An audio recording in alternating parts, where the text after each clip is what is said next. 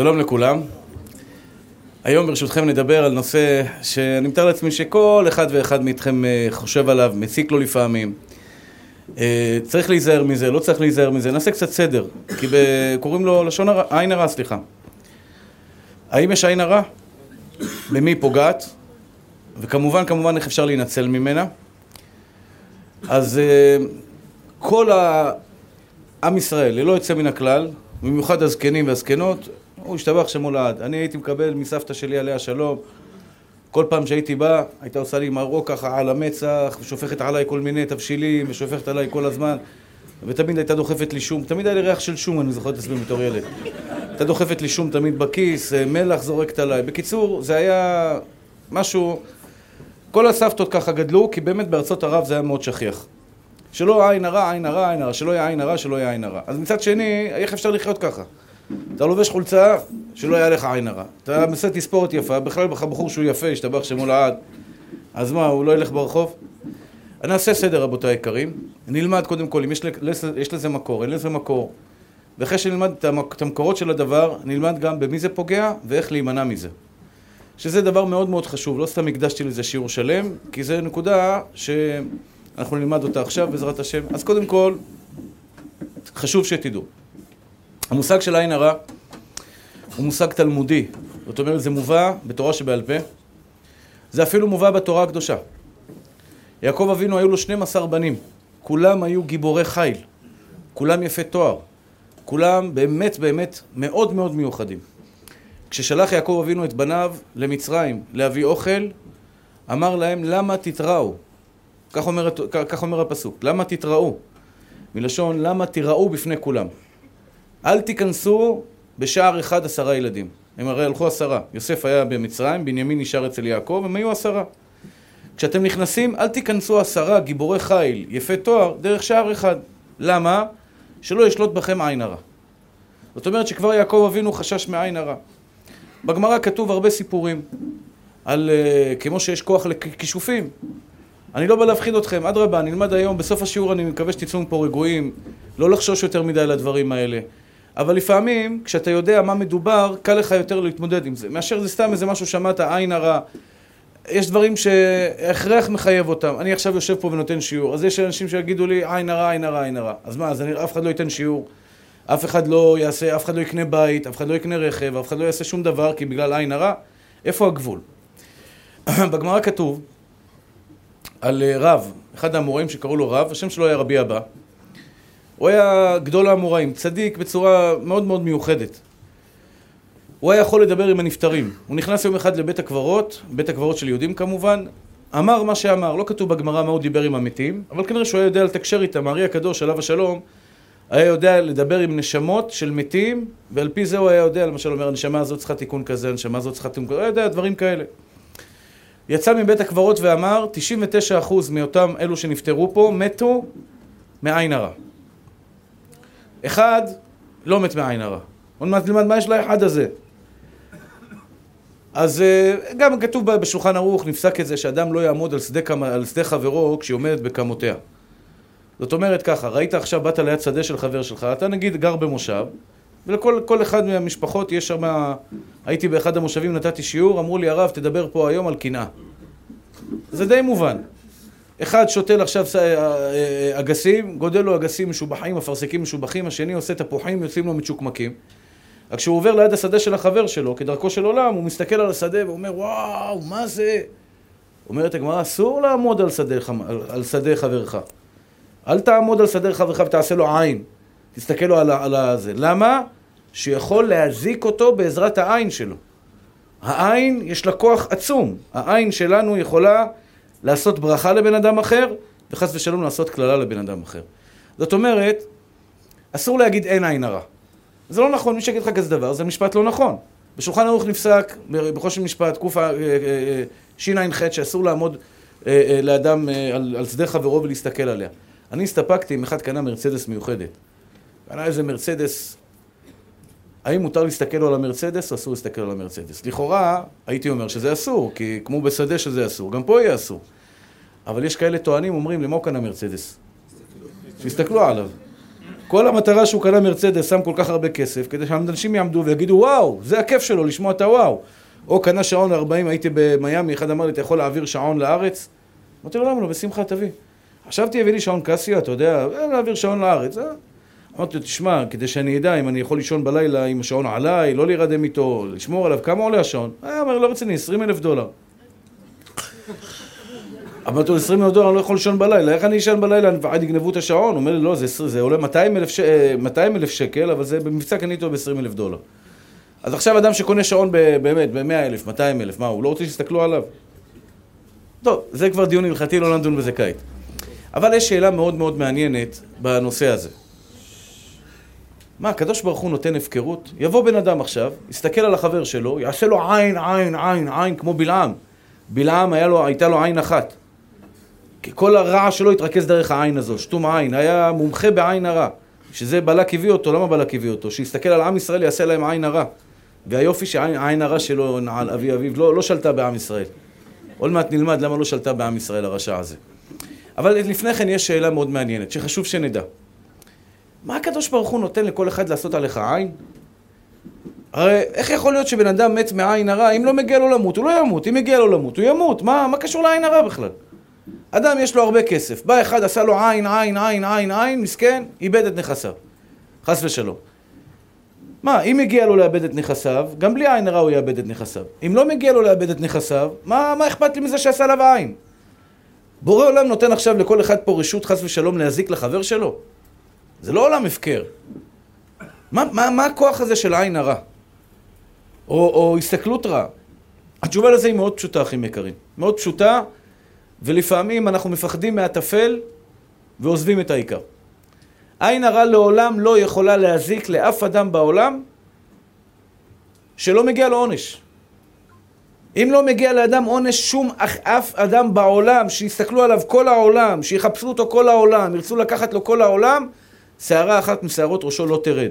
אי אפשר לפגוע באדם אם לא מגיע לו. אף אדם לא יכול למות מהעולם, חס ושלום, שנייה אחת לפני הזמן שלו, גם אם יעשו עליו כל העולם עין הרע. אז מה הכוונה של הגמרא שאנשים שנפטרו מעין הרע? ההסבר לזה הוא מאוד פשוט. הקדוש ברוך הוא מנהיג את העולם בשתי מידות עיקריות, וזה חשוב שתדעו. לפעמים אתה רואה בן אדם שעושה רע. בן אדם מסכן, פתח גן, גן ילדים. התחיל לעבוד, הביא לשם עובדת. ככה הוא מספר, אני לא מכיר את הסיפור, אבל זה הסיפור שהוא מספר לי. העובדת הזאת הרסה לו את העסק, הרסה לו את העסק במלוא מובן המילה, שיקרה אותו, העלימה, גנבה, אה, הרחיקה הורים, עשתה כל דבר כמעט כדי שהעסק יקרוס, ובאמת העסק קרס. והוא, ברוך השם, בחור מתחזק לאט לאט, אבל יש לו מדי פעם את הפיוז הזה שקופץ לו, והוא בא אליו, אומר לי, הרב, אני רואה אותו לפני השיעור, מה קרה נשמה? למה אתה עצבני? אומר לי, אני לא מסוגל לחיות, מה קורה פה? הגברת הזו, שלטענתו הרסה לו את הגן, היא לקחה לו מהכיס 620 אלף שקל, הגן נסגר, חיפשה עבודה אחרת, מצאה עבודה אחרת, ממשיכה לחיות. איך בורא עולם נותן לה חיים? השאלה הזו, אתם תיתקלו בה הרבה. חשוב מאוד שתדעו את התשובה לכך. צדיק ורע לו, רשע וטוב לו. הרבה פעמים אתה רואה בן אדם רע מעללים. רע מעללים, עשה מעשים שלא יעשו. התעלל במסכנים, הרס לנשים את החיים, עשה כל מיני דברים מאוד מאוד קשים, והוא הולך וכולו זוהר והכל בסדר. ובלב שלנו יש שאלה, רגע, מה קורה? בורא עולם, איפה אתה? אז תדעו, אחים יקרים, הקדוש ברוך הוא רצה לברוא את העולם במידת הדין. דהיינו, מה זה מידת הדין? מידת הדין, יש בני אדם כאלה. הם מאוד קיצוניים בזה, ובדרך כלל הם גם מקבלים עונשים בהתאם. יש אדם שההנהגה שלו בחיים היא מידת הדין. הוא ראה מישהו עושה עבירת תנועה, אומר, זה צריך לקחת לו את הרישיון לעשר שנים לפחות. הוא ראה עכשיו איזה מישהו גונב כמה שקלים, או עשה איזה טעות, זה בית סוהר לפחות עשר שנים. הוא, אשתו עשתה טעות, קופץ ואומר, זהו, אי אפשר, האישה הזו פשוט... זה נקרא אדם שהוא מידת הדין. יש הנהגה כזו שהקדוש ברוך הוא מנהיג את העולם במידת הדין, עשה טעות, עונש במקום. אין רחמים. לא רק שעונש במקום, יעני עונש בדיוק מה שמגיע לבן אדם, חס ושלום. רצה הקדוש ברוך הוא לברוא את העולם במידת הדין. למה? יש אנשים מסוימים שחיו בעולם במידת הדין, שתדעו את זה. יעקב אבינו למשל, הוא ביקש מהקדוש ברוך הוא לחיות במידת הדין. הוא לא ביקש רחם, אמר, אני לא רוצה רחמים. הוא היה כל כך חזק, הוא היה כל כך גיבור, כל כך צדיק, הוא אמר לקדוש ברוך הוא, לא רוצה רחמים, תן לי מידת הדין, אבל תן לי שכר של מידת הדין. השכר שלו הוא כפול ומכופל. כי אדם שחי בעולם הזה בלי טעות, ולכן יעקב אבינו פחד מעשיו. כולם שואלים, איך יעקב פחד מעשיו? דוד המלך אומר, באלוהים בטחתי לא אראה, מה יעשה אדם לי? מה אתה מפחד? בוא, דוד המלך אומר, מי שבוטח באלוקים, אין לו מה לפחד מאף אדם בעולם. וירא יעקב מאוד, וייצר לו. מה אתה מפחד? ממי אתה מפחד? מעשיו? חוץ מזה שיעקב היה גיבור, היה נותן לו אחד, משחרר לו את השתבח שמו לעד. באמת, איך, איך, מי הרג אותו בסוף, את עשיו הרשע הזה? כמה היה גיבור, הרג אותו, חושים בן דן. שבאו לקבור את יעקב, הוא היה חירש. אז אה, באו לקבור את יעקב, עשיו הגיע, אמר לו, מערת המכפלה שלי. לא, לא, לא, לא נותן לקבור את יעקב. אמרו לו, מה זה, אתה חתמת, נתת, ויבז עשיו את הבכורה, וימכור את בכורתו ליעקב, אתה מכרת ליעקב את הבכורה. איפה הטאבו? נמצא במצרים. שלחו את נפתלי שיביא את הטאבו. בינתיים יעקב שוכב, הגופה של יעקב שוכבת, ואיזה בושה, חושים בן דן היה בחור לא שומע, אבל פיוז כנראה משהו מאוד משובח. גנים טובים. הוא שאל, אה, מה קורה פה? למה יעקב ככה? אמרו לו, זה, זה, עשיו. נתן לו אחד, ככה אומרת המדרש, נתן לו בום אחד, שחרר לו את הראש מהזה, הראש שלו התגלגל, הרג אותו במקום, הראש שלו התגלגל למערת המכפלה, יעקב נקבר, והראש של עשיו היה בפנים גם כן. הגוף שלו נתנו, לא יודע איפה נתנו אותו, אבל הראש שלו היה במערת המכפלה. למה יעקב פחד? זה הסבר מאוד יפה, שמעתי. מצד סתם, הרבה שאלו אותי את השאלה הזו. אני תמיד, הרבה שיעורים דיברתי על מידת הביטחון, שאדם לא צריך לפחד.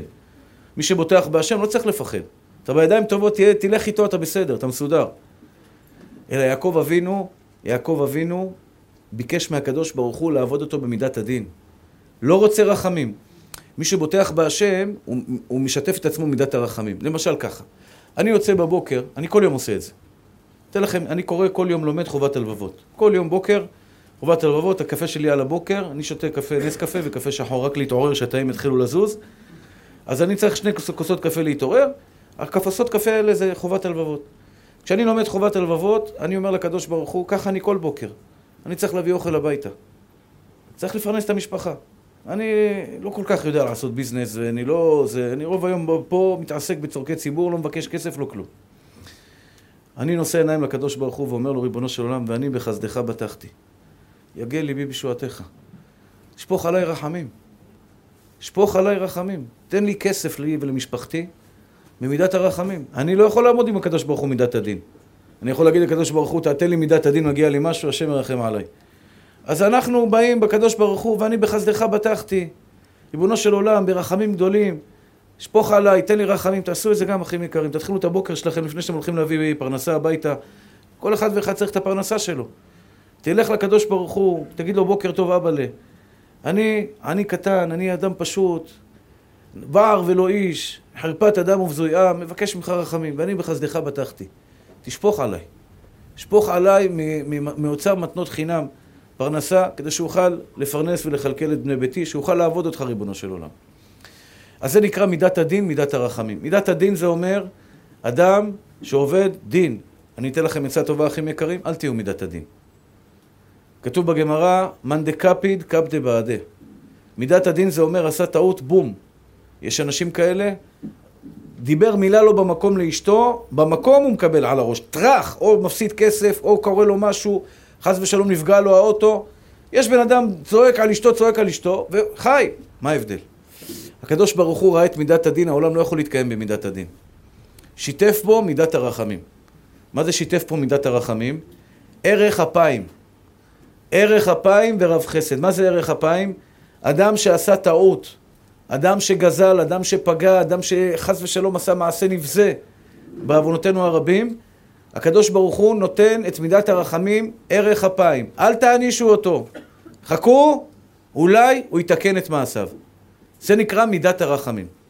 מה קורה כשבן אדם עכשיו בא עכשיו עם איזה רולקס יפה ואיזה חולצה יפה, לבריאות, עוד פעם, כן? הוא בא לפה עכשיו והוא מתגאה, מתגאה, הכוונה היא, הוא יותר מדי בולט בשטח. שימו לב מה קורה, מה עושה העין הרע. הבן אדם הגיע עכשיו, כולם מסתכלים עליו, וואו, העיניים של כולם עליו. מה קורה באותו רגע?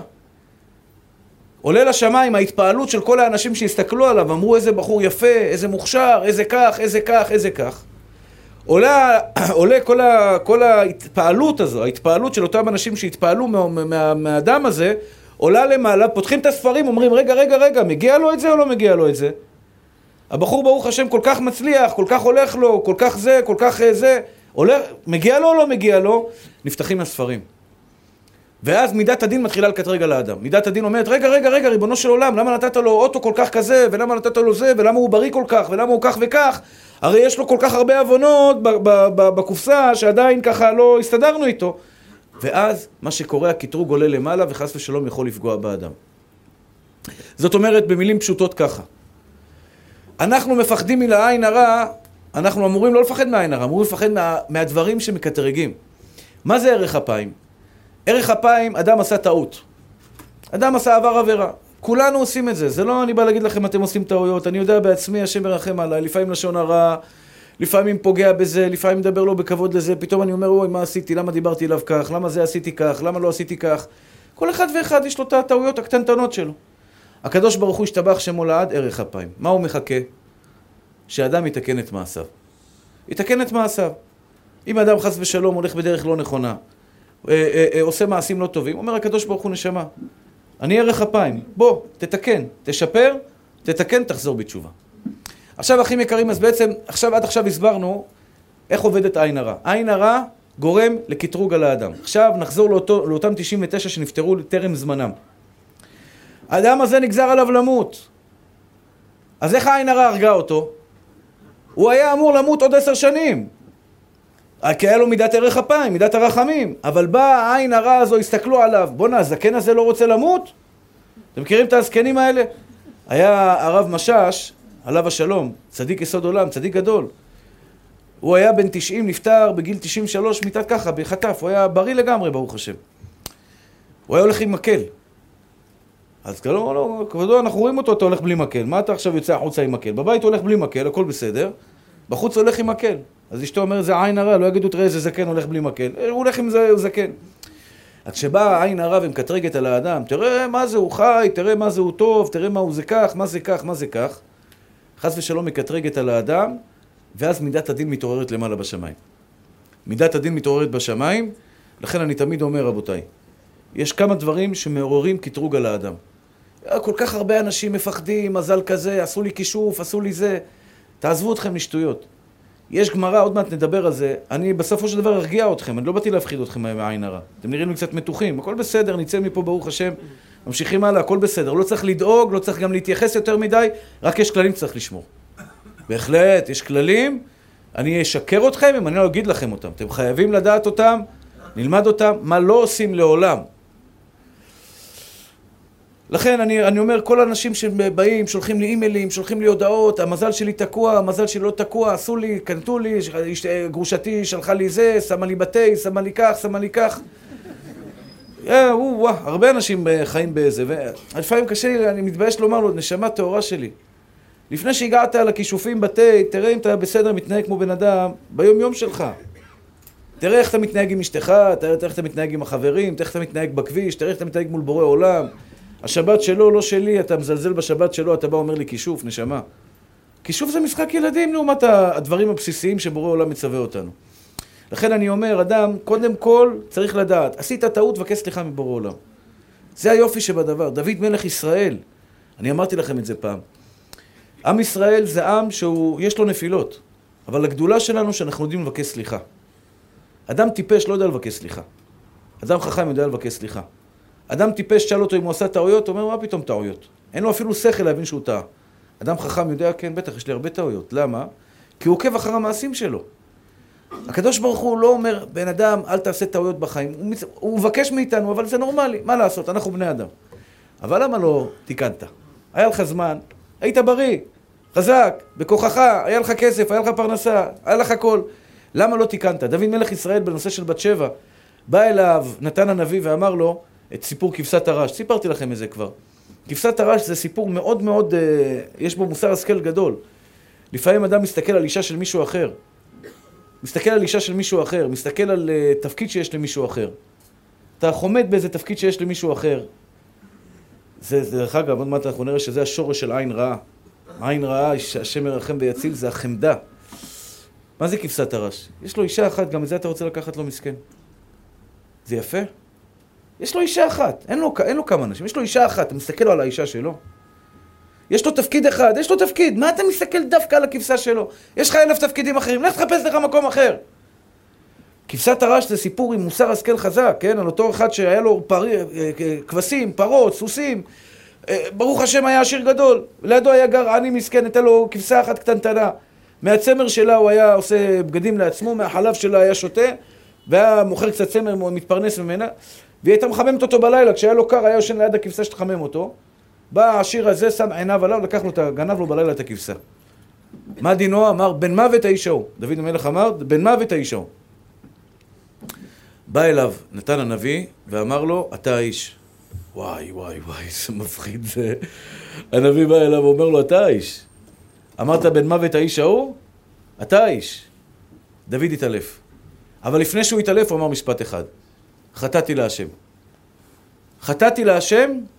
מה אמר לו הנביא באותו רגע? ושר עוונך וחטאתך תכופר. נגמר. ברגע שהוא אמר טעיתי, סליחה, חטאתי להשם, בורא עולם כבר סלח לו. אז עד כאן הסברנו, העין הרע שעובדת, יש היום גם הסברים, יש אנרגיה שהעין משדרת, יש עין טובה. תלמידיו של בלעם הרשע, יש להם עין רעה. תלמידיו של אברהם אבינו, יש להם עין טובה. אני מדבר על זה הרבה. אדם משדר דרך העין שלו אנרגיות שליליות, הוא יכול לעשות נזק בעולם, הוא גורם לקטרוגים. כמו תשמעו בן אדם מקלל, אותו דבר זה עין רעה. ודרך אגב, עין רעה מוציאה את האדם עצמו מן העולם. עין רעה מוציאה את האדם עצמו מן העולם. עכשיו, בעזרת השם נלמד ביחד סגולות נגד עין הרע, איך להימנע מזה, ונתחיל בסגולה שהיא לא סגולה, זה פשוט דבר פשוט. פשוט דבר מאוד הגיוני. אחת הסיבות שהעין הרע פוגעת באדם היא בגלל, זה למה אתה גורם לחבר שלך לקנות. למה אתה לא מצטנע בדרכים שלך? כלומר, מתי אדם מקנא בחבר שלו? כשיש לו סיבה לקנות. אבל אם החבר מסתיר את מעשיו, למשל, אדם עכשיו שיש לו ברוך השם 12 ילדים, בן פורת יוסף, בן פורת עלי עין, בנים טובים, נחמדים, טובים למראה, נעימים בזה שלהם, הוא בא לכל בן חבר שלו, אתה שומע? הילדים שלי ברוך השם לומדים בתלמוד תורה כזה וכזה. הילדים שלי מצליחים, אחד ככה ואחד רב פה ואחד רב פה ואחד דיין שם ואחד דיין פה ואחד דיין זה. אתה מוציא לו את העיניים והוא מסכן, יש לו אולי אחד והוא פיסח ועיוור וצולע ולא לא יוצלח. למה אתה מוציא לו את העיניים, נשמה? זו נקודה הכי מקרים. יש, הפסיכולוגים קוראים לזה היום אינטליגנציה, אינטליגנציה רגשית. מה זה נקרא אינטליגנציה רגשית? זה משהו שקשה מאוד להסביר אותו במילים, אבל אני מאחל לכם שתהיה לכם אותה. כשאתה מדבר עם בן אדם, האם אתה שם לב אם אתה עושה לו טוב או עושה לו רע, או שלא אכפת לך? לפעמים אתה רואה בן אדם שמדבר בצורה מאוד מאוד לא יפה. שלום, כן, מה אתה רוצה?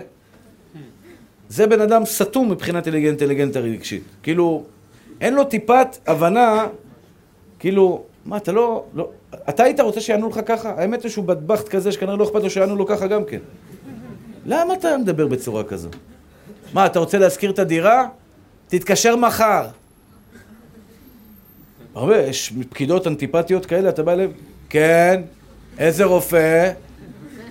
מי בחר אותה להיות פקידה? לא יודע, תבין לי, זה, זה המנהל כוח אדם הזה, צריך לפטר אותו. השתבח שמו לעד, היום, הוא לא יודע אם זה השתנה, אבל יש מקרים אני לא צוחק עליהם, לא, אין כוונתי לצחוק עליהם, כוונתי לומר, יש להם חוסר הבנה בסיסית ברגשות של בן אדם. שלום, בוקר טוב. כשאתה אומר משפט כזה, אתה כאילו חושב בעצמך שלצד השני יהיה נחמד. נכון שכיף לך לשמוע, מה נשמע צדיק? הכל בסדר? איזה כיף לשמוע משפט כזה. אדם צריך תמיד להרגיל את עצמו לא לפגוע ברגשות של האחר. האמת היא אני מאוד רגיש מהבחינה הזו. אני, אני תמיד שם לב איך אני מדבר לזולת. אפילו שאני שולח אימייל, פעם, אני לא יודע לכתוב אימיילים הרבה, אבל עד שיש משהו דחוף אני שולח לו, ותמיד אני כותב בהצלחת צדיק בסוף, או איזה מילה טובה. למה? אני מדמיין את עצמו עכשיו קורא את האימייל, והוא כותב שהרב כתב לו כך וכך וכך. ובסוף הוא רואה, כותב, הוא שומע, הוא רואה את המילים מהצלחת צדיק, זה נותן לו כזה, איזה כיף. כאילו, איזה עידוד כזה קל. בשתי מילים שכתבתי, העליתי חיוך על השפתיים של אדם. זה מאוד חשוב בחיים שלנו, בכלל. אדם לפעמים אומר, למה אף אחד לא, לא, לא אכפת לו, יש אנשים אומרים, נשארתי לבד, הילדים שלי עזבו אותי, בעלי עזב אותי, לא, לא. צלמי את עצמך פעם מדברת במראה ותראי למה עזבו אותך. כל הזמן, זה טוב וזה רע, כל הזמן. לפעמים אנשים משחררים משפטים, אני רואה את זה אפילו שהם באים לבקש ממני ברכה. הרב, הרב, תברך אותי, את הבן שלי, את הזה שלי. עכשיו, אני לא אריב איתה, אני מברך ומנסה לברוח כמה שיותר מהר, אבל זה לא נעים להיות בחברת אחד כזה. לא נעים לשמוע אחד שמוציא משפטים מהפה כשהוא לא שם לב, לא... תדבר יפה, תדבר יפה, תעביר רגש גם נחמד. שלום, בוא תיכנס. אפילו אני דופק בדלת, כן, שלום, מה, מה אתה צריך, כן? אז אני אוסף לכך וכך. אז יש כאלה טורקים את הדלת בפרצוף, חכה רגע, הולכים להביא לו כמה שקלים. למה לעשות כזה דבר לבן אדם שמולך? עכשיו שימו לב מה קורה כשאנחנו גומרים, גורמים לאנשים אחרים אה, שיעשו עלינו עין הרע חס ושלום. בעצם, אחת הסיבות לעונש מעין הרע זה למה אתה גורם לאחרים להוציא את העיניים. לא עושים את זה בכוונה. לפעמים בן אדם רוצה להראות שיש לו. עכשיו, אתה הולך ליד אנשים שאין להם מה לאכול, או שאתה הולך ליד אנשים שבצורה, למשל אדם שהוא לא חכם. זה קרה לי בתור בחור צעיר, ואני סבלתי בזה הרבה, הרבה מאוד סבלתי מזה. הייתי קצת מהיר מחשבה, והיה שיעור, הרב היה זורק שאלה, והייתי עונה מהר. והייתי רואה איך שהחברים מסתכלים עליי בכעס. למה? אתה חכם אתה? אתה... אני מודה בטעויות, אני אומר לכם, זו טעות שעשיתי, אני סבלתי הרבה, אני נהייתי חולה, ואחרי זה שהוציאו לי עין הרע, עם העופרת, אתה יודע מה יצא לי שם, משתבח שמו לעד. וזה היה אשמתי. לא ידעתי, לא שמתי לב, הייתי בחור צעיר, אתם יודעים, אתה לא בא בכוונה עכשיו, אבל לפעמים אתה רוצה להראות שאתה יודע, אתה רוצה להראות את החוכמה עכשיו. כאילו, אתה קולט פעם שתיים שהם לא הצליחו, תן להם גם, תשתוק, תן להם גם להתבטאות. אל, ת, אל תראה את ה... אם אתה טוב במשהו מיוחד, למשל אם אתה בחור מאוד יפה. עכשיו, אל תבוא כל הזמן, תראה. תראה, תראה, איזה עיניים יש לי, תראה איזה, זה, תראה איזה שרירי אני. והוא מסכן כזה, מדלדל כזה, אתה יודע, הוא... כאילו, חלאס, מסכן, הרסת את הבחור, ההוא מסכן, כל הזמן מתבאס על החיים. למה אתה מנקר לבן אדם השני את העיניים? תתחשב ברגשות של הצד השני. גם בן אדם לפעמים, יש לך רכב, רכב מאוד מאוד יוקרתי. עכשיו, יש מקומות שזה לא מעניין אף אחד, עם מה שאתה רוצה, זה לא מעניין אף אחד. יש בן אדם מחנה בדיוק בכניסה לבית הכנסת, בחנייה, כולם תדעו, אני, אני, הרכב הזה זה אני. עכשיו, מה אתה גורם בזה? אתה גורם לאנשים צרי עין, שיסתכלו ויעשו לך עין. זאת אומרת, אחת הסיבות לעונש של עין הרע, והנה עכשיו סגולה, להימנע מהדבר הזה, זה לא לנקר עיניים. לא, חנן אותך אלוקים במשהו, וברוך השם, כסף. אני לא אומר לא לעשות משהו, אבל יש לצערנו הרב, אנשים טועים, אני ראיתי הרבה, אם זה זמרים, אה, תוכניות בטלוויזיה, לפעמים אני רואה, אה, אני לא רואה, אתה יודע, אמרו לי, עשו על ההוא וההוא וההוא תוכנית בטלוויזיה. אני יודע, הוא עומד לפני נפילה. הוא עומד לפני נפילה. למה אתה מנקר עיניים? יש לך הצלחה. ראו הוציא את הנשמה. עכשיו, יכול להיות שרב אחר יראה אותך, רב הזה יראה אותך, זה יעשה, זה, זה, זה.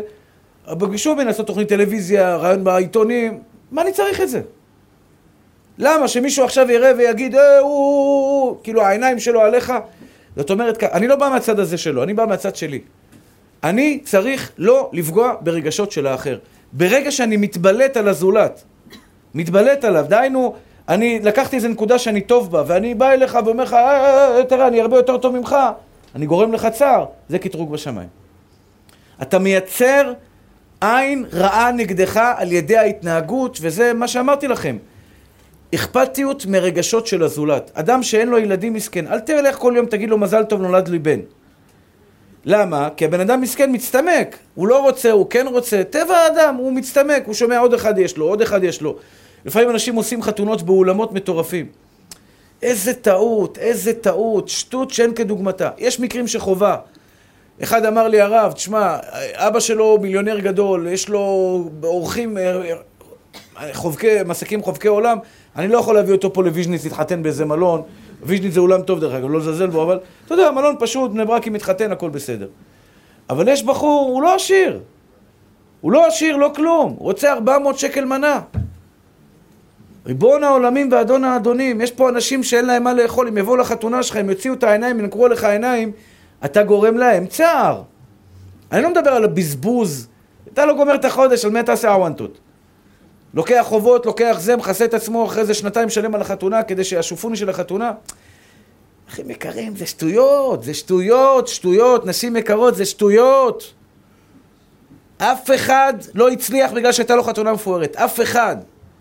כלום, הבל, הבל רות רוח.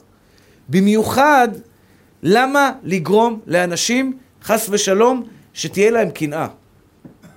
תמיד דוד, שלמה המלך אומר, שביל הזהב, מה זה שביל הזהב? אל תתבלט יותר מדי. תעשה חתונה ממוצעת, כולם יבואו, ישמחו, יפרגנו לך. תפנק אותם משקאות חריפים, כן. תפנק אותם, אני יודע, באיזה דברים נעימים, טובים, כן.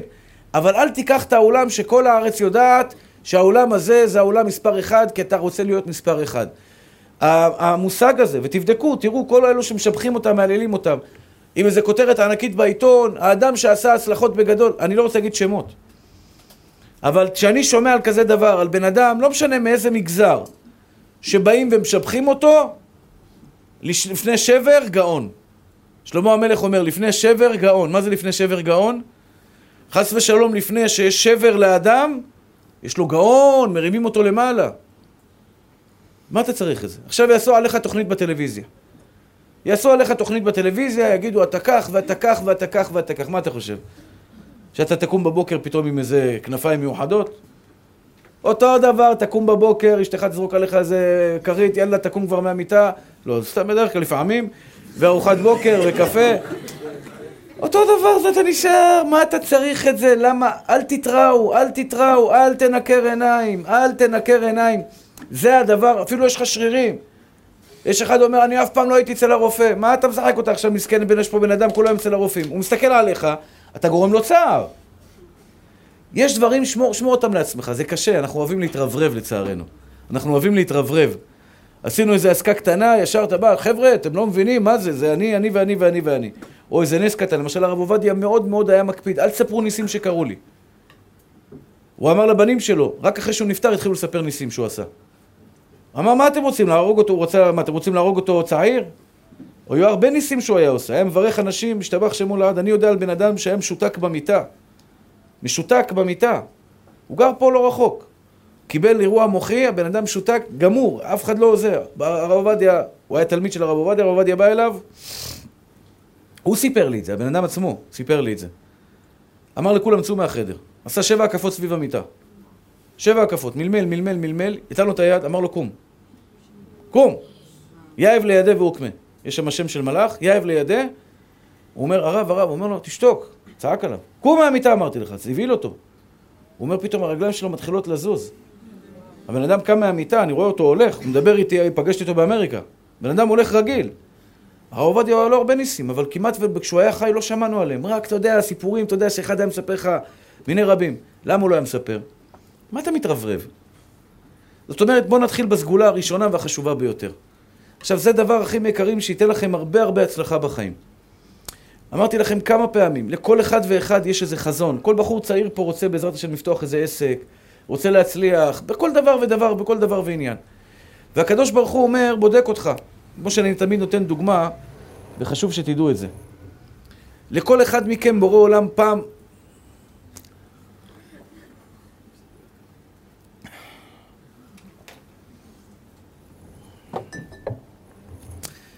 לכל אחד מכם, אני לא יודע אם אמרתי את זה בשיעור הזה, וזו נקודה מאוד חשובה.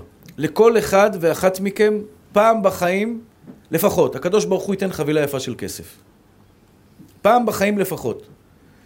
זה יכול להיות לבחור צעיר חמש אלף שקל, זה יכול להיות לקצת יותר מבוגר, איזה עשרים, שלושים אלף שקל, שפתאום בא לו באיזה חבילה יפה של כסף. כל אחד, זה יכול להיות אפילו 200 שקל לילדה בת 10, 12, 13, ילד בן 13, 200-300 שקל. ובעצם הילד לא יודע, הבחור לא יודע שה-200 שקל האלה הם ניסיון להמשך.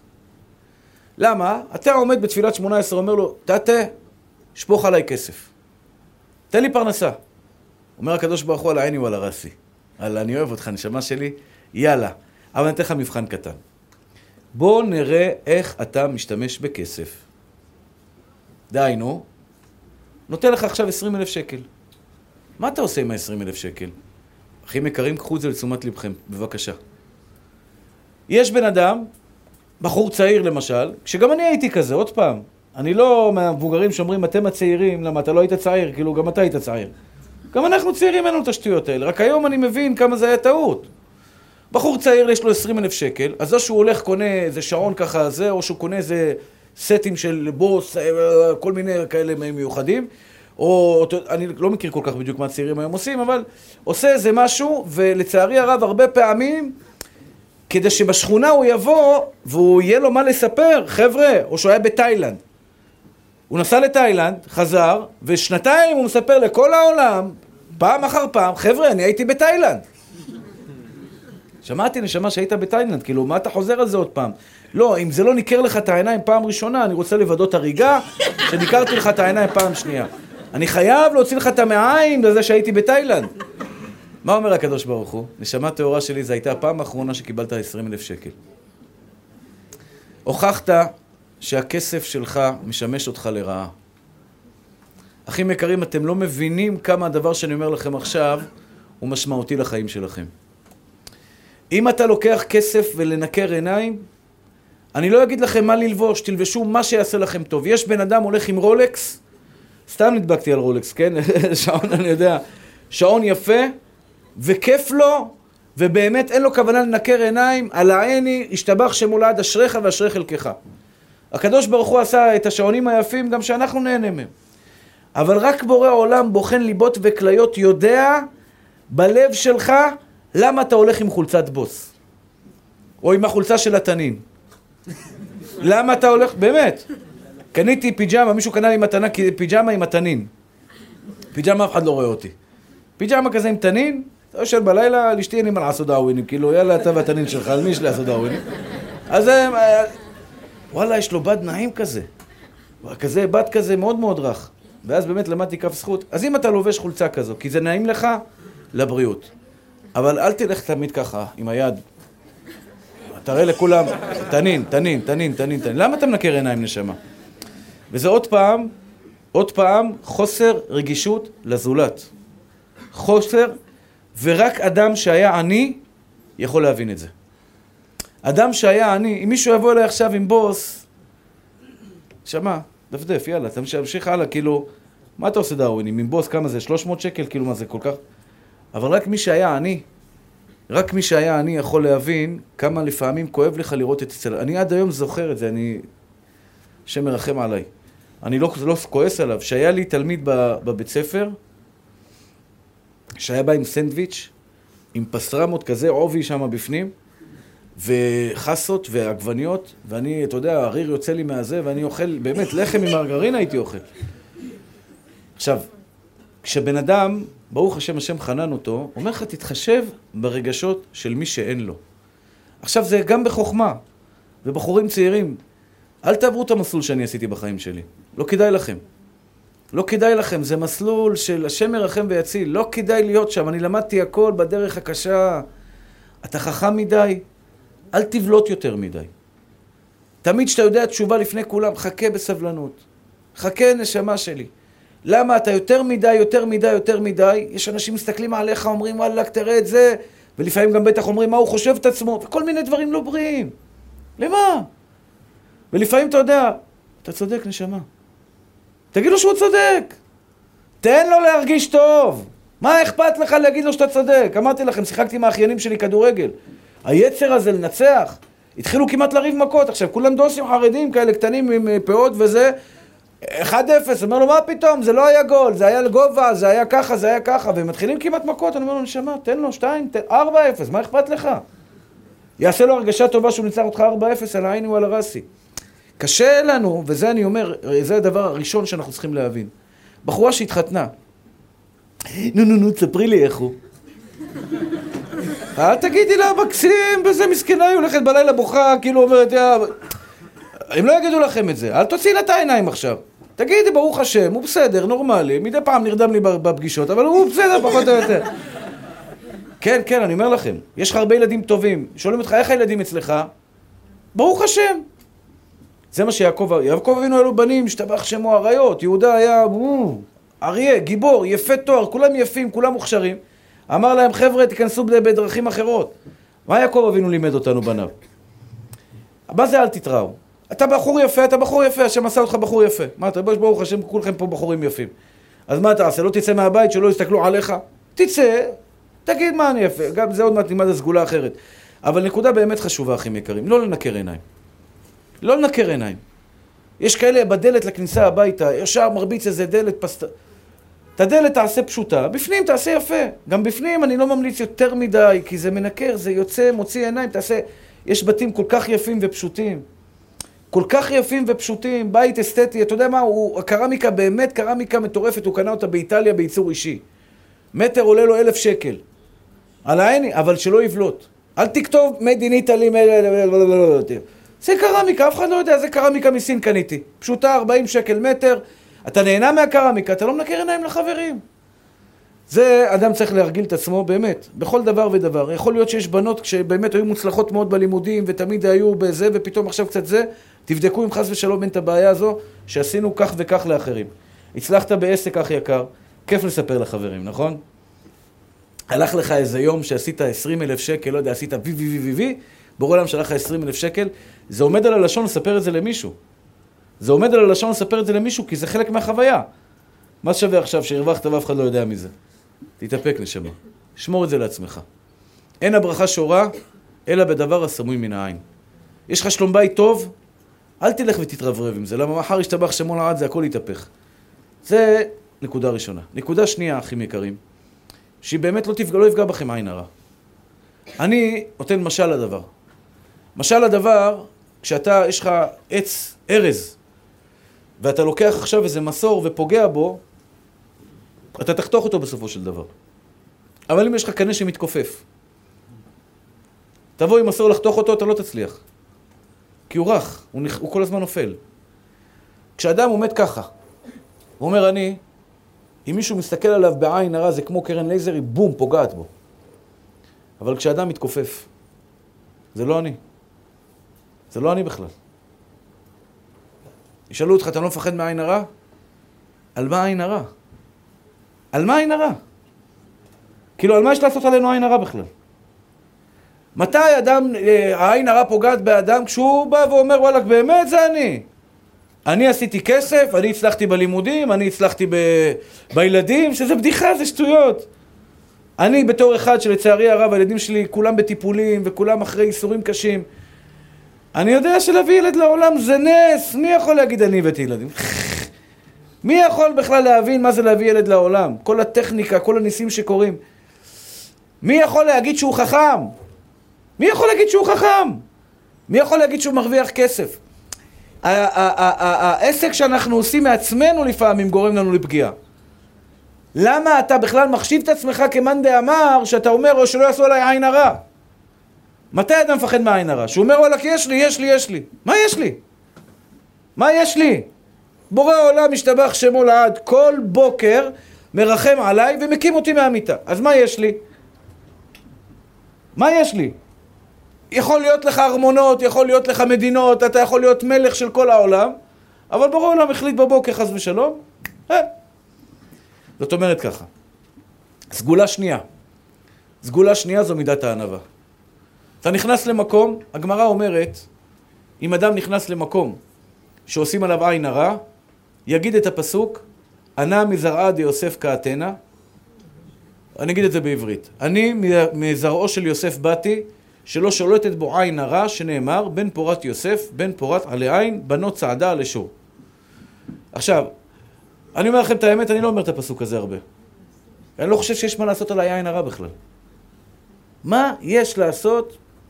על בחור שמנמן עם זקן לבן, שמקשקש מדי פעם, מדבר, מדבר, מדבר, מדבר, מדבר, ובורא עולם נותן לו כמה מילים בפה, מה יש לעשות על בן אדם? באמת.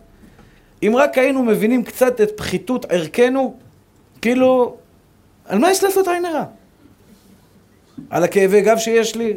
על הזה שיש לי? על הפה שם שכואב לי? על הזה שחופש, שזה השתבר? לא כדאי לכם.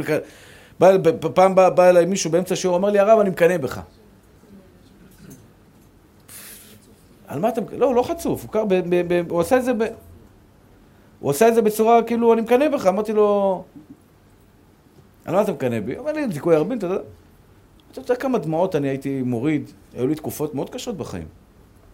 שהיה לי חצי שנה כאב ראש, הייתי בוכה, ישן בלילה עם דמעות על המכרית, בורא עולם תרפא אותי. אתה רוצה לקנות גם בכאב ראש שיש לי? אתה רוצה לקנות בכאבי בטן, בכאבי גב, בכאבי ברכיים, שתי הברכיים שלי, השתבח שמועדות להחלפה? כאילו, מה יש לך לקנות לשם? יש לך את שלך, שמח בני בחלקך. זאת אומרת, אם נסתכל ככה, אז יש סגולה, הגמרא אומרת סגולה, תגיד את הסגולה, הפסוק הזה. אבל לפעמים בן אדם גם צריך להגיד, על מה יש לעשות עליי עין הרע? מתי? אה? אבל עוד פעם, במי זה פוגע? במי זה פוגע הדבר הזה? הדבר הזה פוגע, בדרך כלל עין הרע פוגעת במי שמחזיק מעצמו. מי שלא מחזיק מעצמו, לא פוגע בו עין הרע. לא שאני צדיק, השם מרחם עליי עוד פעם, אני משתדל לעבוד על זה, אבל אם תחשבו בהיגיון, וזה בעצם הסגולה השנייה, והיא באמת סגולה טובה, ענווה. אני אגיד לכם את זה, אני לא יודע אם אתם תבואו עוד הרבה לשיעורים שלי, אבל אתם תשמעו מזה, ממני את זה הרבה, כי זה בסיס לחיים. מי שיקנה את הקניין במידה היפהפייה הזו של מידת הענווה, הוא יזכה בכל מה שהוא רוצה בחיים שלו. העמידה הזאת היא שורש לכל התורה כולה, עמידת הענווה. אז זו סגולה שנייה. לא צריך גם להתרגש מעצמנו. יש עין הרע של עצמנו. יש עין הרע של אוהבים, עין הרע של שונאים, ועין הרע של עצמנו. אתם מכירים את אלו שמסתכלים במראה ועושים ככה? וואי, מה זה הדבר הזה? כן, הוא אומר, בורא עולם, שיחקת אותה. מה זה הדבר הזה? תשמע, זה באמת, הפעם זה היה, זה הייתה יצירת מופת. מישהו אמר לי, עף על עצמו קוראים לזה, עף על עצמו. יש אנשים כאלה, הוא עכשיו, מה הוא עושה? הוא עושה עין הרע, מסכן על עצמו. הוא בא הביתה, רואה את המכונית שלו, בן פורת יוסף, בן פורת יוסף, בן פורת... מתלהב מעצמו, רוקד לעצמו, כאילו עוד מעט, אתה יודע, משתחווה לעצמו. נשמה, תירגע בובי, תירגע נשמה, דפדף, אתה יותר מדי משתולל על עצמך. לא כדאי, לא כדאי, לא כדאי. סגולה נוספת, אחים יקרים. כותב אותה הרתב"א. שלמה המלך אומר, טוב עין הוא יבורך. אומר הרתב"א, הרתב"א זה אחד מהראשונים, הוא חי לפני 650 שנה. מילה שלו זה מילה. אומר הרתב"א, עין הרע שולטת רק במי שיש לו עין רעה. מי שיש לו עין טובה, לא שולטת בו עין הרע. אחים יקרים, כל אחד ואחד יבדוק בעצמו. ראית בן אדם מצליח, עכשיו אני לא מדבר ראית בן אדם מיליונר. אם יש לך חנות פלאפל ובאת עכשיו לאכול בחנות פלאפל בעיר אחרת ואתה רואה שהיא מפוצצת, יש לך עין טובה עליו או עין רעה עליו. אתה בתור רב, תלמיד חכם, ראית בחור שסיים את הש"ס, עושה סיום הש"ס. דרך אגב, גם זה לא כל כך בריא. אני יודע על בחורים שבגיל 20 עשו סיום, סיום הש"ס קבל עם ועדה, ובסוף השם מרחם, בסוף לא שומרים שבת גם. בגיל 18 עשה סיום הש"ס, סיום הש"ס, למי שלא יודע, זה סיים את כל המסכתות שבתלמוד, זה המון. זה אלפיים ומשהו דפים. אלפיים מאה, אלפיים מאתיים דפים, הוא למד. עד גיל 20. עכשיו עושה סיום מסכת, הזמין את ההורים, וכולם מתרגשים, וכולם, כמובן, כל הבחורים שבקושי סיימו שתי מסכתות, הוא סיים איזה 40 מסכתות, וכולם סיימו עם העיניים שלו עליו. פגע בו קשה. פגע בו קשה, והוא התחתן, אני יודע על מקרים כאלה. אומרת לי הרב, הבן אדם מחלל שבת, וכשהתחתנתי איתו, אמרו לי שהבחור הזה סיים ש"ס. זה פגע בו. מידת הדין קטרגה עליו. מה אתה מנקר עיניים לכולם? מה אתה מנקר עיניים לכולם? סיימת, תמשיך הלאה, נשמה. הרב עובדיה פעם בא אליו איזה עיתונאי. שאל אותו, שמעתי שכבודו יודע את כל הש"ס בעל פה. עכשיו, הוא לא יודע את כל הש"ס בעל פה, הוא יודע כמעט את כל התורה בעל פה. אז אמר לו חצי. לא הכל, חצי. אמר לו, כבוד הרב, איזה חצי? אמר לו, איזה חצי שתרצה. הוא תמיד השתמש בענווה. פעם שאל אותו, כמה ספרים יש לך? הוא אומר לו, לך תספור. מה, אתה, אתה צריך שאני אספור בשבילך? לך תספור. כאילו, מה אתה עושה לי עין על הספרים שלי גם אתה? היה, היה לו תמיד, אני למדתי ממנו הרבה בנושא הזה. לא צריך גם להגזים. מצד אחד הוא היה מגיע לאיצטדיון, לא יודע אם הייתם פעם שהרב עובדיה איצטדיון, 11-12 אלף איש, האיצטדיון רועד, רק הרב עובדיה מגיע, השתבח שמו לעד, השם שמר אותו.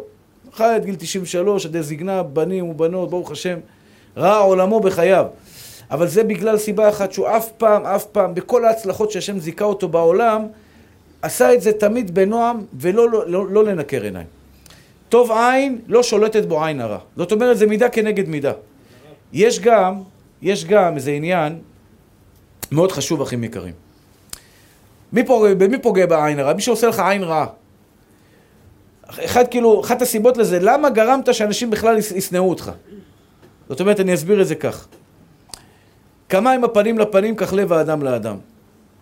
מחקרים מוכיחים את זה היום, שיש העברת רגש מאדם לחברו. דיברתי על זה שבוע שעבר? לא דיברתי על זה שבוע שעבר, נכון? דיברתי על זה בשיעורים אחרים. הייתי בארצות הברית, ניגש, ניגש אליי אה, ביהודי, יקר מאוד, אמר לי, תשמע, הפקידה שלי, הוא אומר לי, נכנסה לדיכאון עמוק. בעשה לי טובה, תעזור לה. זה באמת לא פייר כשמבקשים כזה דבר, זה כאילו, אתה קוסם. פקידה עכשיו מסכנה, יש לה דיכאון.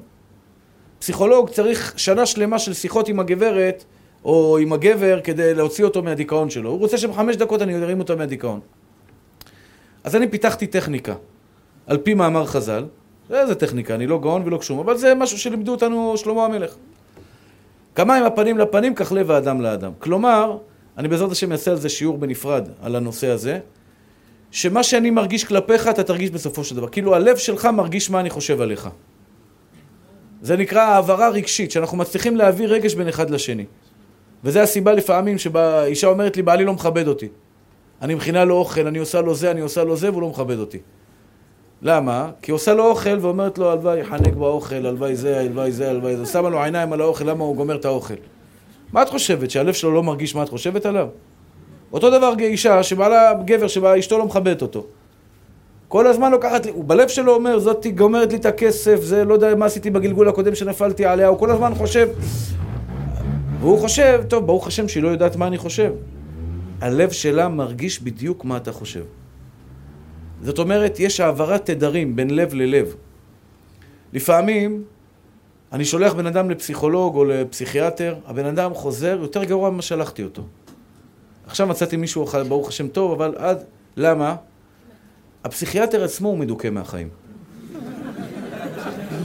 למה? הוא זקן כל היום רק זה, כל היום החיים שלו אומר איזה... עכשיו, כשאתה יושב מול פסיכיאטר ואומר לך, תשמע נשמה, החיים מה זה יפים? עכשיו, הוא יכול להגיד לך חיים יפים, אבל הלב שלו משדר לך על הפנים, החיים על הפנים. אני אומר לך, עדיף לו לחיות בעולם הזה, אני לא יודע למה נולדתי, אני לא יודע... הוא משדר לך, הלב שלו אומר, אסווד, רע, לא טוב, תברח, נשמה, תברח, לך, תחפש... השם ירחם ויציל. אז אני פיתחתי טכניקה, זאת אומרת, על פי מה שאמר שלמה המלך, אני יושב מול בן אדם, הדבר הראשון זה, אני צריך להיות שמח. אני עכשיו נכנס לאווירה של שמחה, כיף לי, כיף לי, כיף לי, כיף לי, כיף לי. עכשיו הייתי בפארק. תגיד לכם לעשות את זה. סיבוב בפארק. אני אעשה לי קודים עם בורא עולם. אני לא מדבר, אני, עכשיו, האם אני לא יכול לדבר? אנשים פה לידי וזה, תודה, תודה, תודה, תודה, תודה. אני רואה דשא, תודה. אני רואה ציפור, תודה. אני רואה עצים, תודה. אני הולך בזה, תודה. אני רואה את אשתי.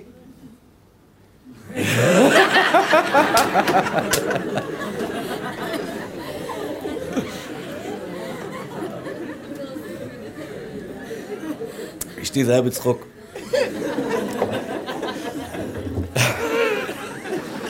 תודה. אני רואה את הקטנטנה שלי, הייתה גם איתנו בפארק, רצה אליי, אבא, אבא, אבא, אבא, תודה. זאת אומרת, תודה, תודה, תודה, תודה, תודה. אני מרגיש מה זה כיפי, איזה כיף, אני מאושר, אני שמח, טוב לי. עכשיו יושב מולי בן אדם, ואני אומר לו, אז הגברת הזאת באמת באה אליי, עכשיו אני יושב בקווינס באיזה בית כנסת, הביאו אותי, בוא, בסדר, בוא דבר איתה. כמובן, אחרי כזה, הדלת פתוחה והכל, ואז היא אומרת לי, תשמע, מה... מה קרה? זה היה בדיחה, זה לא... זה. החיים שלי קרה לי ככה, וקרה לי ככה, וקרה לי ככה, וקרה לי ככה, וקרה לי ככה. עכשיו, אני יודע, אין לי בחמש דקות עכשיו להרים אותה על הרגליים. כאילו, זה לא, זה לא אנושי. אני מדבר איתה, ואני קודם כל מאמין בלב. זאת אומרת, אני חייב להעביר לתדר דרך הלב שלי, טוב, העולם הוא טוב, כיף לחיות, נעים לחיות, העולם יפה, לך, תהנה, ת... נדבר על זה בעזרת השם בשיעורים הבאים. לפעמים בן אדם לא, לא, לא, לא ממצה את עצמו, בגלל זה הוא מרגיש שחור. יש בן אדם שיש לו כישורים, אבל הוא לא עושה איתם כלום. הוא אוהב לנגן, הוא אוהב לצייר, הוא אוהב לטייל, הוא אוהב דברים, הוא אוהב לדבר, הוא אוהב לשכנע, הוא אוהב לעשות דברים, והוא לא ממצה את הפוטנציאל שלו, אז הנפש שלו כלואה. לך תחיה את החיים, תהנה, תראה במה אתה מיוחד, תוציא את זה החוצה, נשמה. תראה במה אתה מיוחד, אני אדבר על זה בעזרת השם בשיעורים הבאים. זאת אומרת, הלב שלי משדר ל, ל, ל, לאותו אדם שיושב מולי, הוא קולט את התדר שאני עכשיו מדבר מולו, הוא קולט מה אני מדבר אליו. וככה עשיתי עם הגברת הזאת. היא באה אליי בטענות על בורא עולם, אבא שלה נפטר, וזה, ופה, ושם, ולמה, ולא, נמאס לי,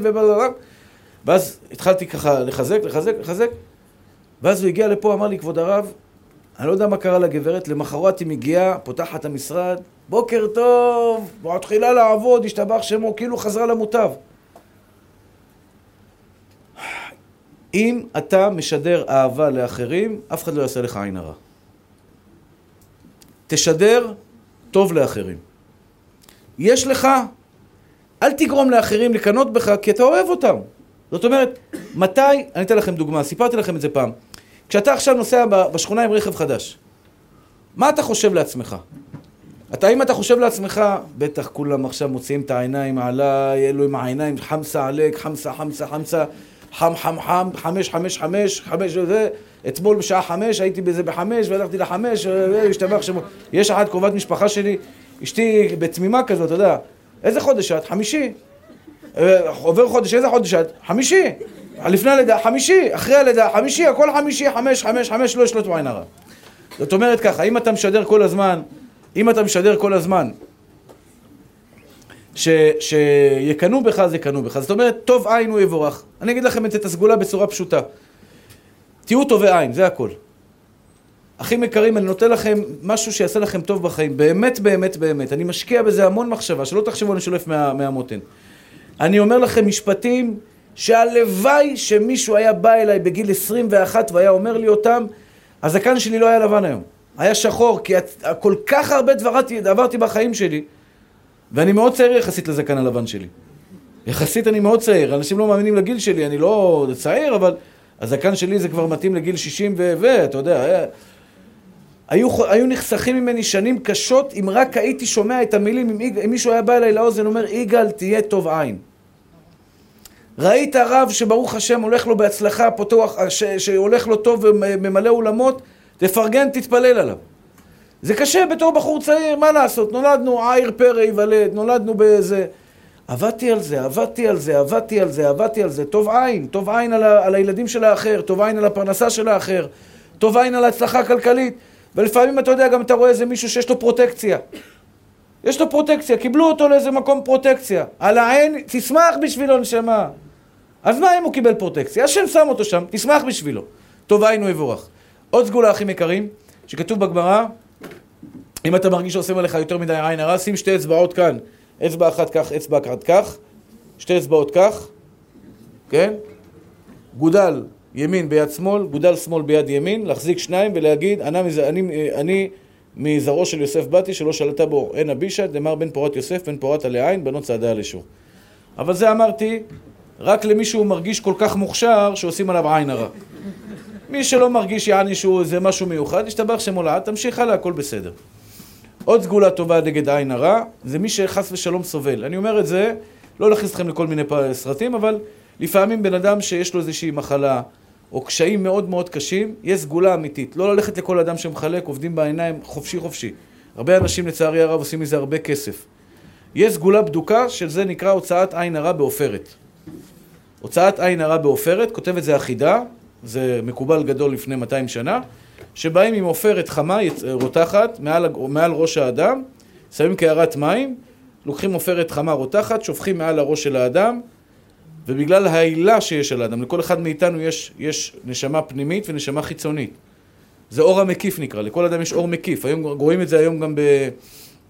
יש מצלמות, יש איזה מדען אחד שמצליח לצלם אדם שמניח תפילין, איך שהאור המקיף שלו משתנה, לצבעים מאוד מאוד חזקים. אתה רואה בן אדם קורא ספר, ספר, אה, ספר טלפונים, העילה לא משתנה לו. קורא תהילים, העילה משתנה לו. אפילו תפילין פסולות, תפילין כשרות. הוא שם תפילין פסולות, העילה לא משתנה. שם תפילין כשרות, העילה משתנה. אור המקיף, לכל אחד מאיתנו יש אור מקיף. האור המקיף שנמצא מלמעלה, כנראה שזה סגולה להוצאת עין הרע. לכן, לא כולם לעשות את זה. לא כולם עכשיו לעשות עין הרע, עין הרע, עין הרע, כי זה גם מכניס את האדם לשיבוש. אלא רק מי שבאמת, באמת, חס ושלום, חולה, מרגיש יותר מדי, משהו באמת באמת הזוי, והוא קצת חשוף לכל מיני אנשים ששונאים אותו חלילה, אז ילך למישהו שמבין, לא, לא, לא, לא לשלם הרבה כסף על זה, זה צריך לעלות כמה שקלים, אולי 100 שקל מקסימום, לא יותר. זה לא פעולה קטנה, לקחת עופרת לשפוך על הראש. סתם אנשים עושים מזה, חבל על הכסף. ללכת לדבר, יש מישהו שעושה את זה, תמיד כמובן לפנות לזה, זה טוב, אבל לא לכל אדם סתם. ללכת רק לבן אדם שבאמת, באמת, חס ושלום, יש לו בעיה רצינית. סגולה, עוד סגולה לעין הרע. הגמרא אומרת שיוסף הצדיק לא שלטה בו עין הרע. יוסף הצדיק רק הצליח, הכל, כל אשר יעשה יצליח. אומרת הגמרא למה? הוא לא הסתכל באישה שלו שלו, לא, לא, העין שלו לא נהנתה מאישה שלו שלו, לא שולטת בו עין הרע. זאת אומרת, לפעמים אנחנו מסתכלים על מה שיש למישהו אחר. מקנאים במה שיש למישהו אחר. הייתי רוצה שיהיה לי את מה שיש למישהו אחר. מה זה גורם בסופו של דבר? זה גורם בסופו של דבר שמידה כנגד מידה שולטת עין הרע באדם. דבר אחרון, אחים יקרים, וזה מה שאני הכי אוהב בעולם, זה אין עוד מלבדו. רבי חנינה, ככה מספרת הגמרא. וזה לכל אותם שחוששים לכישופים, וחוששים לכל מיני דברים כאלה. אומרת הגמרא, רבי חנינה היה צדיק גדול. באה מכשפת אחת ורצתה לקחת לו חול מתחת לרגליים שלו, על מנת לעשות לו כישוף. וסימנו לרבי חנינה, רבי חנינה, תראה המכשפה הזאת היא לוקחת לך חול. הסתכל עליה רבי חנינה, אמר שתיקח. אין עוד מלבדו. מי היא בכלל? מה שנקרא לא ראה אותה ממטר. שואלת הגמרא, מה, הוא לא מפחד מכישוף? הרי יש לזה כוח. לכן לא להתעסק עם כל המרעין בישין האלה. כל אלו שמתעסקים בזה, בסוף זה פוגע בהם. מי שהולך למכשפים, השם ירחם עליו. השם ירחם עליו. לא יודעים איזה קטרוג הוא גורם לעצמו בשמיים. והיום הבנתי, יש כאלה במאות ואלפים, עושים מיליונים, מיליונים על מה? על התמימות של הציבור. בוא אני אחזיר לך את האהבה שלך, אני אביא לך אהבה חדשה, אני אביא לך זה, והיא מסכנה, שמה שלושת אלפים שקל, תחזירי לי את האהבה. הוא השתבח שם הולד. לא להתעסק עם זה, השם ירחם ויציל. תמים תהיה עם השם אלוהיך. למה? הקדוש ברוך הוא, אתם יודעים איך הוא נפגע מזה? נפגע, הכוונה, אני משתמש במילה לא, לא נכונה כל כך, אבל זו מילה שאנחנו רגילים בה. אומר לך, בני, אני פה, נשמה, תפלל אליי, מה אתה הולך למשוגעים האלה? מה אתה צריך את הכישופים, השם ירחם, איזה דברים הם שמים שם בתוך התה, בתוך המשקה. בעלה לא אוהב אותה, היא הולכת למכשפה, לא יודע אם קורא לה מכשפה, לכל האלה, זה, אומרת לו, שימי לו כזה וכזה בכוס תה שלו, הוא יאהב אותך. אולי תגידי לה שתתחיל לכבד אותו, חשבת על הרעיון הזה? שתתחיל להתנהג אליו יותר יפה? כאילו היא תשים לו עכשיו בכוס תה ותגיד לו, קח הנה, תקלל אותו, מה זה יעזור? מה זה הדברים האלה? כי לא נחש בישראל. מרן בשולחן ערוך כותב שאסור ללכת למגלי עתידות. לא ללכת למגלי עתידות. תמים תהיה עם השם אלוהיך, כי אין עוד מלבדו, אחים יקרים. כל הדברים שהסברתי לכם עכשיו, עין הרע ולא עין הרע, אין אף אחד בעולם, אם אתה עם בורא עולם, אין עוד מלבדו. מה זה אין עוד מלבדו? גם עין הרע זה בורא עולם. אין כוח בעולם מבלעדי השם יתברך. אין כוח בעולם מבלעדי השם יתברך. אל תפחדו משום דבר, רק ממנו יתברך. אנחנו נכנסים לסרטים, זה נכון שיש מזיקים ויש טילים ויש רמאים, אומר לך הקדוש ברוך הוא נשמה, אני מעליך, רק תקרא לי. מה אתה הולך עכשיו לכל מיני דברים אחרים? אתה מחפש קיצורי דרך בכל מיני דברים שבסופו של דבר חס ושלום יכולים לפגוע בך. בוא איתי. אין עוד מלבדו. אף אחד בעולם לא יוכל להרע לך. אם אתה הולך עם האין עוד מלבדו הזה, שרק י' וה' וו' וה'. בורא עולם אתה אחד יחיד ומיוחד, אף אחד לא ייגע בי. אף אחד בעולם. זה רוצה להרע, זה רוצה להזיק, זה רוצה פה, זה רוצה פה, זה דרכו של עולם. אני תמיד אמרתי לעצמי, אני, יגאל כהן, ירצה להיות הכי טוב בעולם, שאני לא רוצה שיהיו לי שונאים. לא רוצה שיהיו לי שונאים, לא רוצה לפגוע באף אדם. לא רוצה לגרום רע לאף אדם. ככה חשבתי לתומי, בתמימות, שלא יהיה לי שונאים אף פעם. ופתאום אתה מגלה שזה שונא אותך, ו... סתם. אז מה תגיד? יואו, שלא יסתכל עליי, שלא יעשה עליי עין. אין עוד מלבדו. אני הולך עם בורא עולם. מה אתה רוצה בורא עולם? אני הולך איתך, נשמה. אני הולך עם בורא עולם. מה יש לי להסתכל על אנשים אחרים? מה יש לי לפחד מאנשים אחרים? את הסגולה הזו אני אוהב. אמרתי לכם כמה סגולות כדי, כי זה מחובתי להגיד לכם, אבל באמת, באמת, הדבר החזק ביותר, ויש את הסרטון הזה של אין עוד מלבדו, הסגולה הטובה ביותר בעולם, של רב חיים וולוז'ין אומר, כשאתה מתרכז במשפט אין עוד מלבדו, י' וה' וו' וה', בארבע אותיות האלה בורא עולם ברא את העולם, זהו, אין כלום, אין שום דבר. לא פצצות, לא מחבלים, לא בורסות, לא רשעים, לא כלום. תגזר עומר ויקום לך. כשאתה עכשיו מתרכז, והמוח שלך עכשיו כל כולו רק בורא עולם, אין עוד מלבדו. אני, הגוף שלי זה בורא עולם, אתה זה בורא עולם, המוח שלך זה, העין שלך זה בורא עולם, העין הרע זה בורא עולם, העין טובה זה עין בורא עולם, כי אין עוד מלבדו של בורא עולם, אף אחד בעולם לא יכול להזיק לך. אתה בלתי מנוצח. בלתי מנוצח, כי בורא עולם איתך. אחים יקרים, אין עוד מלבדו. אין עוד מלבדו. זאת אומרת, עם כל הזה, ולפעמים זה מעמסה על המחשבה, תלך בפשיטות עם בורא עולם, אה, בורא עולם, אני אתן לכם רק למשל דוגמה מאוד יפה, מאוד יפה, אחים יקרים. היום שמעתי אותה בשם הרב טאובר, צדיק יסוד עולם, הוא עבר את השואה, יהודי שמקרב הרבה הרבה יהודים לאביהם שבשמיים. יום אחד, זה סיפור עכשיו שאני נזכר, זה לא סיפור שהתכוונתי לספר לכם, הוא היה בסמינר, הוא דיבר עם בחור לא דתי. והבחור אמר לו, הרב, אני חייב ללכת לנשום אוויר. הוא ידע שהבחור הולך, רוצה לעשן סיגריה בחוץ, בשבת. והוא רב מאוד עדין, הוא לא התחיל לתת לו על הראש. הוא אמר לו, תשמע, אני רוצה לשאול אותך שאלה. אם היה לך סיגריה אחרונה בחיים, סיגריה, היום היה לך סיגריה אחרונה מהקופסה, ובורא העולם, בכבודו ובעצמו, מלך העולם היה נגלה אליך ואומר לך, בני, תן לי סיגריה. הייתה לך רק סיגריה אחת, היית נותן לבורא עולם את הסיגריה? איזה שאלה, מה זה? אני בורא עולם? בטח שאני אתן לו את הסיגריה. עכשיו בורא עולם אומר לך, בני אהובי, תן לי סיגריה. אל תעשן את הסיגריה. הבן אדם הזה לא עישן את הסיגריה בסוף. הוא אמר לו, לך, נשמה. אני לא אגיד לך מה לעשות, תלך. הוא אמר לו, אני לא הולך. אני רוצה לתת סיגריה לבורא עולם. היהודי הזה בסופו של דבר, ישתבח שמו לעד, נהיה תלמיד חכם, נהיה רב, והיום הוא נותן הרצאות ברחבי העולם. זה התחיל בפעם אחת שהוא אמר לו, תן סיגריה לבורא עולם. הרב טאובר עמד בסמינר. סיפור שאני חושב שיש בו ככה איזה בום כזה. ואמר להם, חבר'ה, אם אליהו הנביא הבא אליכם עכשיו, אליהו הנביא הבא אליכם ואומר לכם, יש לי שתי דברים שאני רוצה, אה, אה, אה, יש לכם אפשרות. אפשרות ראשונה, שכל אחד ואחת מכם תבקשו מה שאתם רוצים. תבקשו מה שאתם רוצים. מה שתבקשו עכשיו, אליהו הנביא אומר לכם, אני נותן לכם. בקש תקבל. אפשרות שנייה, שאליהו הנביא אומר לכם, לכו אחריי, לכו אחריי, ואני אקח אתכם לטוב המושלם שלכם. מה אתם בוחרים? בקשה ראשונה או בקשה שנייה? בקשה ראשונה, מה שאתה רוצה תבקש. מיליארד דולר, אה, להיות, אה, לא יודע, מה שאתה רוצה, להיות אה, רונלדו. אתה רוצה להיות רונלדו, תהיה רונלדו, מה שאתה רוצה. כל אחד ואחד והזה שלו. בקשה ראשונה זה מה שאתה רוצה תבקש. בקשה שנייה, אתה לא מבקש מה שאתה רוצה. תבוא אחריי, ואני אקח אותך לטוב המושלם שלך. כל מי שיש לו קצת שכל וקודקודו מבין שהבקשה השנייה היא בקשה אמיתית. כך, אומר לך אליהו הנביא, לך אחריי, אני אקח אותך לטוב שלך. אחים יקרים, הבקשה השנייה זה מה שבורא עולם אומר לכם. לכו אחריי, אני אקח אתכם לטוב הכי טוב בעולם בשבילכם. בורא עולם אומר לך, בני, בני, בתי, לכי אחריי, אני אקח אותך לטוב המושלם שלך. כל מה שאנחנו צריכים ללכת לעשות בחיים האלה.